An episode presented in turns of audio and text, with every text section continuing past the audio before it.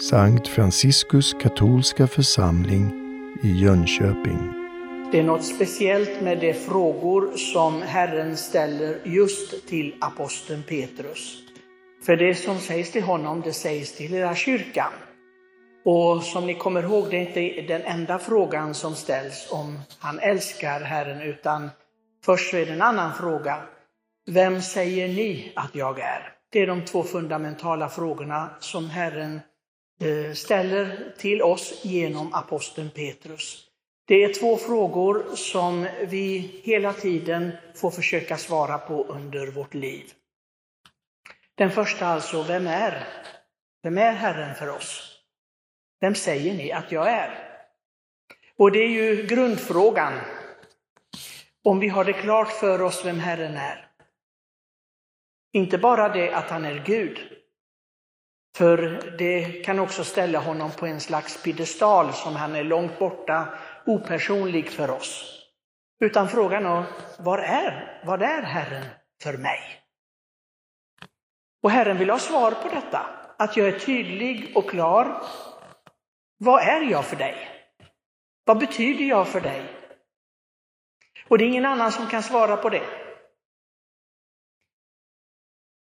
Jag brukar ofta tjata om detta med undervisning för barn, att det är föräldrarna som måste hjälpa barnen för att de ska få klart för sig vem Herren är. Det kan ingen annan göra för dem. Föräldrarna som i sitt liv svarar på ett tydligt sätt, det här är Herren för oss. Vi kan inte leva utan Herren. Inte bara det att han har skapat oss, men han har också tagit emot oss igen. Och det gör han varje gång som vi drar oss undan från honom, eller till och med förråder honom. Det spelar ingen roll egentligen vad det är. Men detta är vad Herren är för mig. Han är den eviga kärleksfamnen som alltid är öppen. Så länge jag varar här på jorden och kan brottas med denna frågan så står denna famnen öppen. Och det måste ju vara klart och tydligt för mig i de valen som jag gör. För alla gör vi olika val dag ut och dag in. Hur vi ska tänka, hur vi låter tankarna vandra, vad vi vill för någonting, vad vi låter den här viljan hamna på, om vi drivs efter så att säga begären bara, eller om vi har en högre så att säga, mål i vårt liv. Det är vi som bestämmer detta. Men det är vårt sätt att säga till Herren, det här betyder du för mig. Många människor idag har väldigt svårt att så att säga säga nej till det som inte har med Gud att göra. Som drar en bort från Gud. Även de som är kristna. Och vi vet ju väldigt många som vi kanske känner som driver längre och längre bort från Gud. Därför att de har gjort dessa val. De har sagt till sig själv, nej jag vet inte vad Herren egentligen betyder för mig. Om han är någonting speciellt. Han kanske inte är på första plats, ja då, då blir det ju så. Det är ju det som är det första budet. Att Gud ska komma på första plats. Ingen får konkurrera ut honom. Men det är en fråga som ställs hela tiden. Och den andra, älskar du mig? Vi hör någonting märkligt i evangeliet. Att Petrus inte ens i grundtexten, alltså det är inte bara fel på översättningen här, utan i grundtexten också inte besvarar med samma styrka. För Jesus frågar, älskar du mig? Och ni hör Petrus svara, ja du vet att jag har dig kär. Jag tror att alla som förstår svenska ser att det är en så att säga gradskillnad i det här. Det var ett problem för Petrus och vi kan tycka var egendomligt. Han som fick den främsta uppgiften av Herren, han som skulle representera så att säga hela kyrkan, enheten i kyrkan. Och att han hade så svårt att uttala samma ord till Herren. Ändå fick han uppdraget. Och där ser vi att Herren accepterar människans svaghet. Att människan inte når fram riktigt, att det inte är alla som gör det. Jag skulle vilja säga att det finns nog mängder med helgon som egentligen skriker när de får höra det här, läser detta evangelium. Ja, men jag älskar dig Herre, jag älskar dig. Men Herren hade valt just Petrus. Och det är från honom och genom honom som han vill att den här frågan ska nå ut till hela kyrkan. Och vi kommer inte undan, vi ska inte tro att vi kommer undan. Det finns tillfällen varje dag då Herren frågar mig, älskar du mig verkligen? Är det så? Eller är jag bara någon eller något som finns i ditt liv? Du, jag är där därför att du är fostrad på det viset, att du har nappat på det här, att tro på mig. Men älskar du mig verkligen? Jag tror att vi måste ta den här frågan verkligen på allvar. För det är de två fundamentala frågorna som Herren ställer. Han pratar inte om annat. Han frågar inte vad ska du göra idag? Han frågar inte hur mår du? Han frågar, det är inga konventionella frågor han ställer. Så vi vet att det här är någonting som går på djupet hos oss. Och jag tycker att när folk frågar mig, vad ska jag meditera över? Ska jag meditera över det ena eller det andra? Nu är det påsk, ska jag, ska jag meditera över hur jag uppstår? Eller vad var det? Då säger jag, meditera över de här två frågorna. De gäller hela liturgiska året. 365 dagar så passar de här frågorna. För det är egentligen det som vi besvarar hela tiden i liturgin.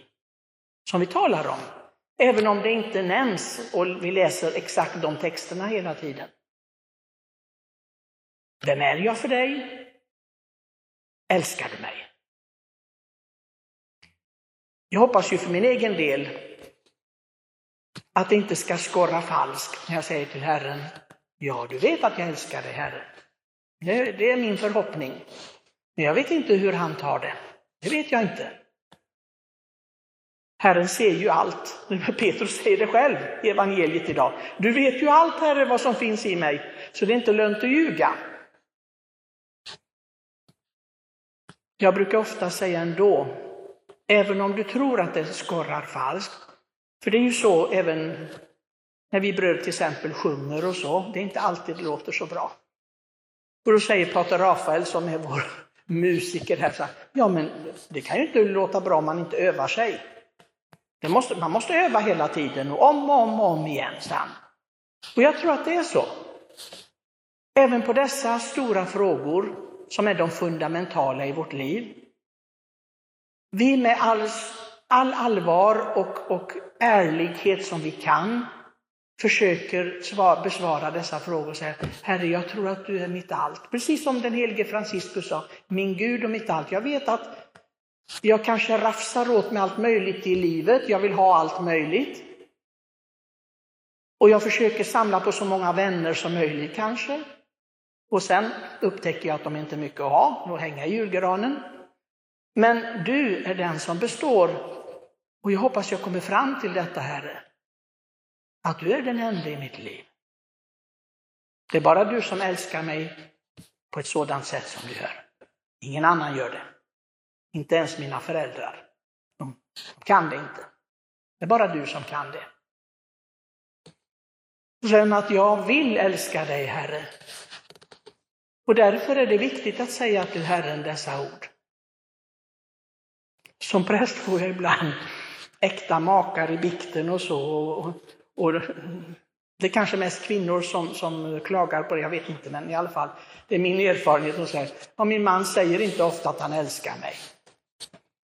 Och, och då tänker jag om människor resonerar på det viset, det är viktigt för oss människor att få höra någon gång att vi älskar det. Men hur många gånger får Herren höra det? Säger vi det verkligen till honom? Erkänner vi verkligen hans kärlek för oss? För det är det det handlar om. Och förstår vi hur viktigt detta är för oss och för evigheten? Jag tror inte att det finns någon människa som är mer älskad av Herren än någon annan. Det tror jag inte på. Även om vi påpekar i evangelierna att Johannes, evangelisten, säger lärjungen som Herren älskade. Men han vill bara erkänna att han är älskad. Han, han jämför sig inte med någon annan, det ska vi ha klart för oss. Det är ingen jämförelse att han var älskad och de andra inte. För då har vi missförstått. Men han var den som förstod att han var älskad. Vi behöver verkligen den heliga Ande som vi firar denna helg. Det är så mycket vi inte förstår och det är så mycket som vi behöver öppna oss för i Guds värld. Låt oss verkligen denna pingst be om att vi får Andens fullhet. Så att vi klart och tydligt och på ett rätt sätt besvarar Herrens frågor till oss. Vem är jag för dig? Älskar du mig?